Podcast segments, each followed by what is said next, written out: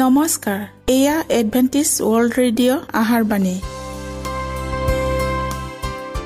ষোল্ল মিটাৰ বেণ্ডত সোতৰ হাজাৰ আঠশ দহ কিলোহজত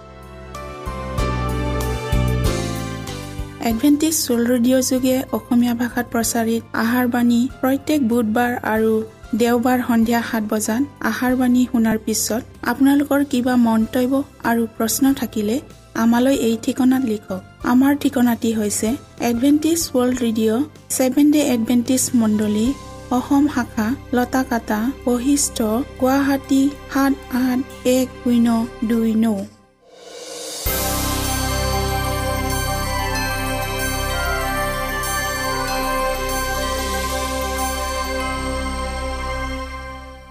প্ৰিয় শ্ৰোতা বন্ধুসকল এতিয়া শুনো আহক এটি খ্ৰীষ্টীয় ধৰ্মীয় গীত।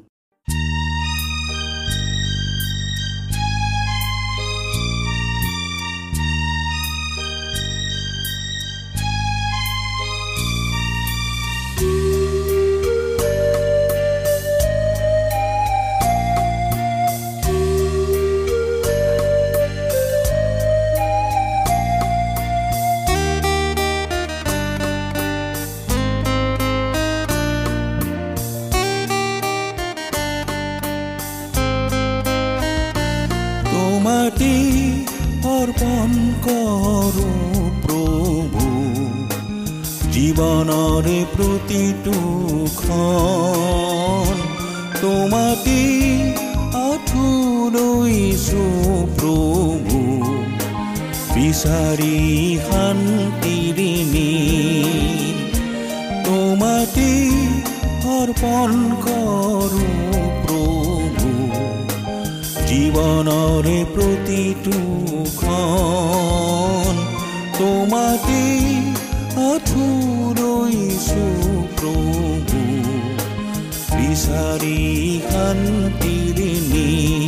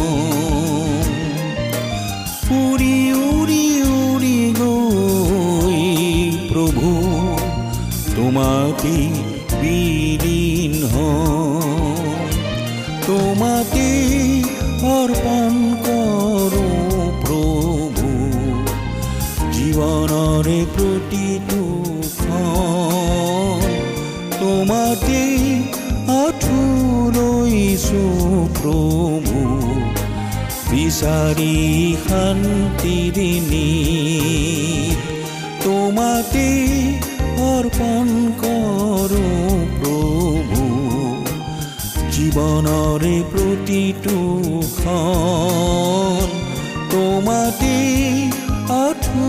আঁঠুলৈছো প্ৰভু বিচাৰি শান্তিৰিণী পাহৰি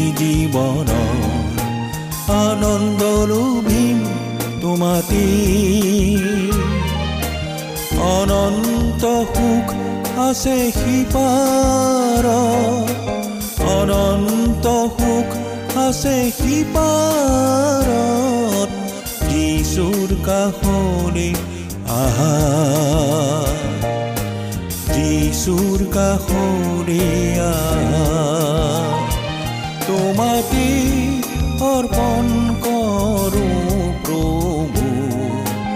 জীৱনৰ প্ৰতিটো তোমাতে আঠু লৈছো প্ৰভু। বিচাৰি নি তোমাতে অৰ্পণ কৰো জীৱনৰ প্ৰতিটো আঠু লৈছো প্ৰভু বিচাৰি শান্তিৰে নি বিচাৰি শান্তিৰে নি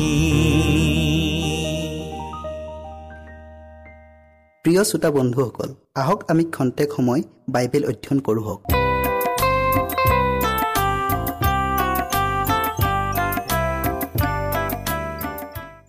যোৱাবাৰ আমি ধৰ্মধামৰ সূচীকৰণৰ বিষয়ে অধ্যয়ন কৰিলোঁ। আজি আমি স্বৰ্গীয় ধৰ্মধামৰ পৰা দিয়া পৰামৰ্শৰ বিষয়ে অধ্যয়ন কৰোঁ হওক। ইব্ৰী দহ অধ্যায়ৰ বাইছ পটো আমি পঢ়োঁ হওক। কুবিবেগৰ পৰা আমাৰ হৃদয় শান্তি কৰা সুৱাচ অহা আমি সত্য হৃদয়ৰ সহিত সম্পূৰ্ণ নিশ্চয়তাযুক্ত বিশ্বাসেৰে ঈশ্বৰৰ ওচৰলৈ চাপি যাওঁ হওক। আমি প্ৰাৰ্থনা কৰোঁ হওক স্বৰ্গত থকা জীৱনময় গৰাকী ঈশ্বৰ যে হোৱা। ধন্যবাদ প্ৰভু তোমাৰ অনন্ত কলীয়া আশীৰ্বাদৰ বাবে। প্ৰভু এতিয়া আমি যি বিষয়টিলৈ অধ্যয়ন কৰিবলৈ আগবঢ়াইছোঁ তুমি আমাক সেই বিষয়টিলৈ বুজিবলৈ জ্ঞান আৰু বুদ্ধি দিয়া। প্ৰত্যেক শ্ৰোতাৰ লগত তুমি পবিত্ৰ আত্মাৰ যোগেদি থাকিবা আৰু হৃদয় স্পৰ্শ কৰি দিবা। যীশুৰ নামত খুজিলোঁ আমেন। দানিয়েল সাত অধ্যায়ৰ তেৰ পদত কোৱা হৈছে আকাশৰ মেঘত মানুহৰ পুত্ৰ নিচিনা এজনা পুৰুষ আহি সেই অনাদিকালৰ বৃদ্ধজনাৰ গুৰিত উপস্থিত হ'ল। সেইজনাৰ আগলৈ তেওঁক অনা হ'ল। কৃষ্টৰ অহাৰ বিষয়ে ইয়াত যি বৰ্ণনা দিয়া হৈছে সেয়া পৃথিৱীলৈ অহা তেওঁৰ দ্বিতীয় আগমন নহয়। তেওঁ স্বৰ্গত অনাদিকালৰ বাবে থকা জনাৰ গুৰিলৈহে আহিছে যাতে এজন মধ্যস্থতাকাৰী হিচাপে তেওঁৰ কাৰ্য সম্পূৰ্ণ হোৱাৰ সময়ত তেওঁ ক্ষমতা গৌৰৱ আৰু ৰাজ্য গ্ৰহণ কৰিব পাৰে।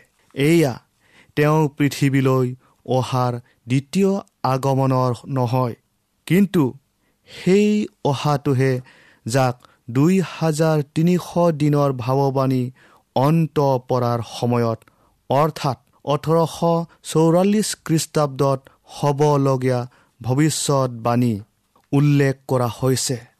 স্বৰ্গদূতগণেৰে আবৃত হৈ আমাৰ মহান মহাপুৰোহিত জনাই অনুসন্ধানমূলক বিচাৰৰ কাৰ্য কৰিবলৈ আৰু ইয়াৰ দ্বাৰা লাভৱান হ'ব পৰা সকলৰ বাবে প্ৰায়চিত্ৰৰ কাম কৰিবলৈ তেওঁ পবিত্ৰৰো পবিত্ৰ কোঠাত প্ৰৱেশ কৰে আৰু তাতে ঈশ্বৰৰ গুৰিত উপস্থিত হয়। জীৱনময় পানীৰ নিজৰাৰ পৰা পানী কোৱাৰ প্ৰয়োজনীয়তাক আমি যেন অনুভৱ কৰিব পাৰোঁ। তাৰ বাবে ঈশ্বৰে আমাক দৃষ্টিদান কৰক। ইয়াৰ বিশুদ্ধ নিজৰাই আমাক সতেজ কৰিব আৰু আমাক সুস্থ কৰিব। সকলো সতেজ বিষয়ৰ লগত যোৰা লগাই দিব। অ' মাত্ৰ ঈশ্বৰৰ আত্মাৰ দ্বাৰাই হৃদয়বোৰ পৰিচালিত হোৱা হ'লে কেনে ভাল আছিল?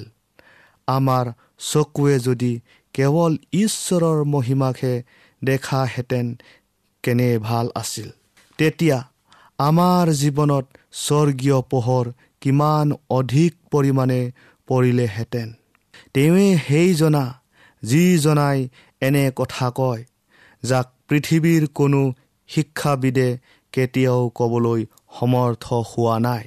তেওঁৰ পুনৰুত্থানৰ পাছত সেই ইমানুৱেলৈ যোৱা নিসহায় আৰু নিৰাশাত ভুগি থকা শিষ্য দুজনৰ বাবে আৰু ভয়ত ম্ৰিয়মান হৈ ওপৰ কোঠালিত গোট খাই থকা সেই শিষ্যসকলৰ বাবে তেওঁ এজন শিক্ষাবিদ হিচাপে পৰামৰ্শ দান কৰিছিল। তেওঁৰ বিষয়ে লিখা থকা শাস্ত্ৰৰ পথবোৰ তেওঁ সিহঁতৰ আগত পঢ়িয়াই দেখুৱাইছিল আৰু সিহঁতৰ অন্তৰত এটা পবিত্ৰ নতুন শুদ্ধ আশা আৰু আনন্দৰ ভাৱ জগাই দিছিল। পবিত্ৰৰো পবিত্ৰ কোটাৰ পৰাই সকলো সুপৰামৰ্শ নীতি নিৰ্দেশনাবোৰ আহি আছে যাতে সকলো কাৰ্য সুচাৰুৰূপে সম্পাদিত হয়। ঈশ্বৰৰ দূতগণে মানুহৰ লগত যোগাযোগ স্থাপন কৰি আছে। কৃষ্টয়ো ধৰ্মধামত নিজ কাৰ্য কৰি আছে। এতিয়া তেওঁ ধৰ্মধামত থকা সময়ত আমি তেওঁক যেনেদৰে অনুসৰণ কৰিব লাগিছিল এতিয়াও তেনে কৰা নাই। কৃষ্ট আৰু স্বৰ্গদূতগণে মানুহৰ সন্তানৰ হৃদয়ত কাম কৰে। উচ্চ মানদণ্ডৰ মণ্ডলীয়ে নিম্ন মানদণ্ডৰ মণ্ডলীৰ লগত মিত্ৰতা স্থাপন কৰি পৃথিৱীৰ ওপৰত এটা উত্তম যুদ্ধৰ আখৰা কৰিছে।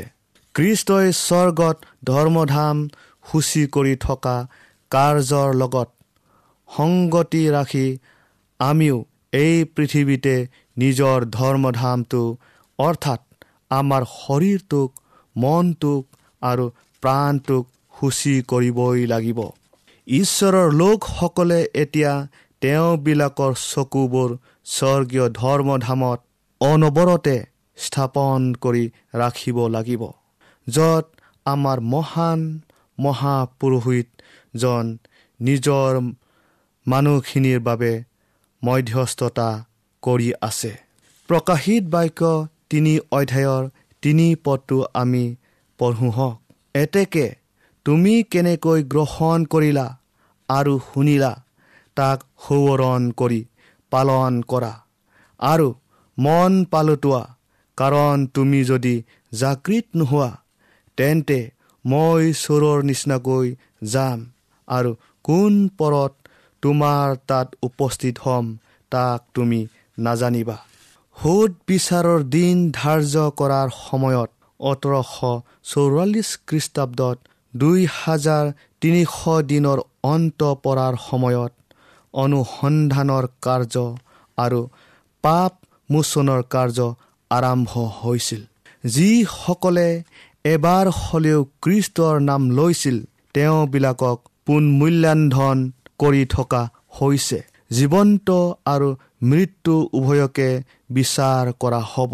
সেই পুস্তকবোৰত লিখা মতে নিজ নিজ কৰ্ম অনুসাৰে সোধ বিচাৰ কৰা হ'ব।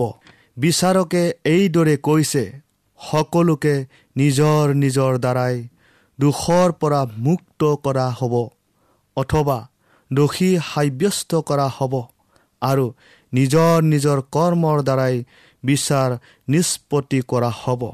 যি পাপৰ বাবে অনুতাপ কৰা হোৱা নাই আৰু সেই পাপক পৰিত্যাগো কৰা হোৱা নাই তেনে পাপক ক্ষমা কৰা নহ'ব আৰু লিপিবদ্ধ ৰখা পুস্তকৰ পৰাও মুচি পেলোৱা নহ'ব। কিন্তু ঈশ্বৰৰ মহাদিনৰ পাপীজনৰ অহিতে সাক্ষী দিবলৈ থিয় হ'ব। মানুহৰ ওপৰত প্ৰভুক্ত বিস্তাৰ কৰিব বিচৰা অনেক অসৎ প্ৰৱণতাবোৰক দমন কৰিবলৈ আন্তৰিকতা পূৰ্ণ সংগ্ৰামৰ প্ৰয়োজন হয়। প্ৰস্তুতিৰ কাৰ্য সম্পাদন কৰাটো ব্যক্তিগত কাৰ্য। আমি দলবদ্ধভাৱে থাকি পৰিত্ৰাণ লাভ নকৰোঁ। এজন মানুহৰ শুদ্ধতা আৰু ভক্তিৰ বাবে আন এজনক বচাব নোৱাৰিব।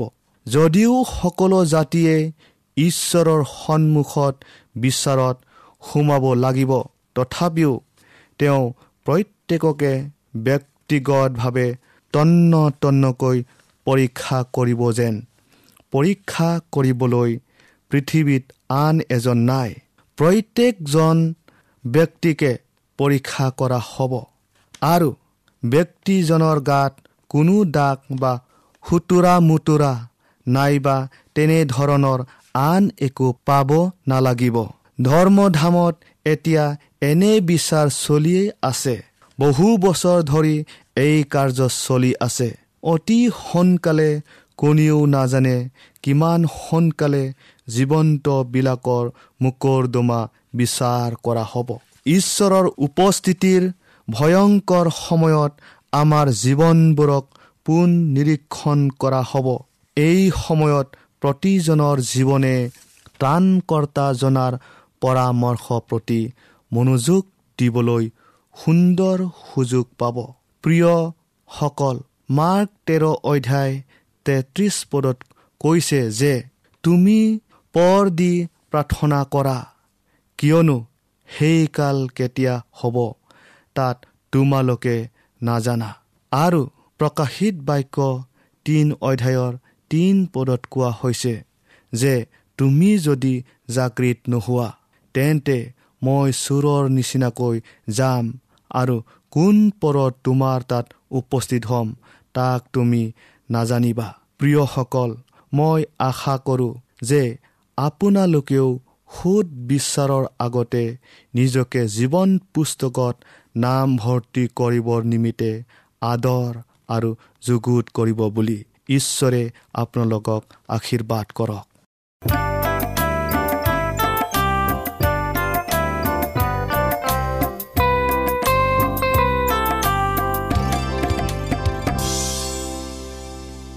ইমানপৰে আমি বাইবেল অধ্যয়ন কৰিলোঁ এতিয়া আকৌ শুনো আহক এটি খ্ৰীষ্টীয় ধৰ্মীয় গীত।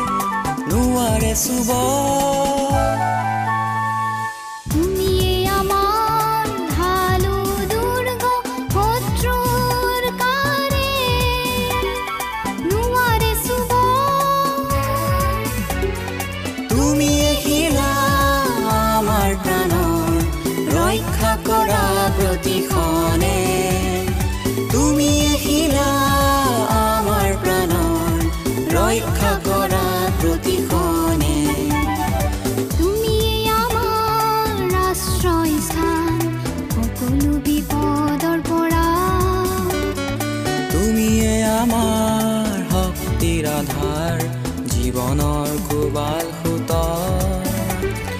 ৰক্ষা কৰোতা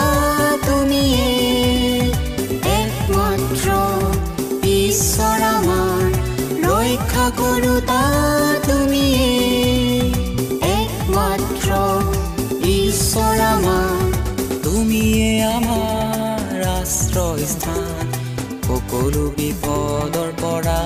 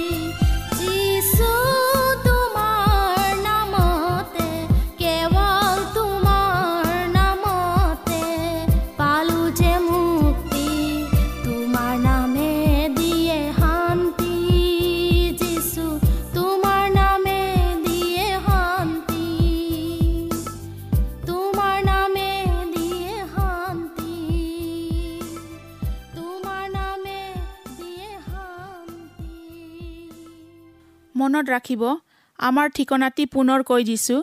Adventist world radio' Assam region of seven day Adventist voice of hope Latakata Basistha Guwahati seven eight one zero' two nine প্ৰিয় শ্ৰোতা বন্ধুসকল এডভেণ্টিজ ৱৰ্ল্ড ৰেডিঅ' যোগে আহাৰবাণী প্ৰচাৰত আপোনালোকক পুনৰ লগ পোৱাৰ আহাৰে আজিলৈ সামৰিলোঁ। ধন্যবাদ।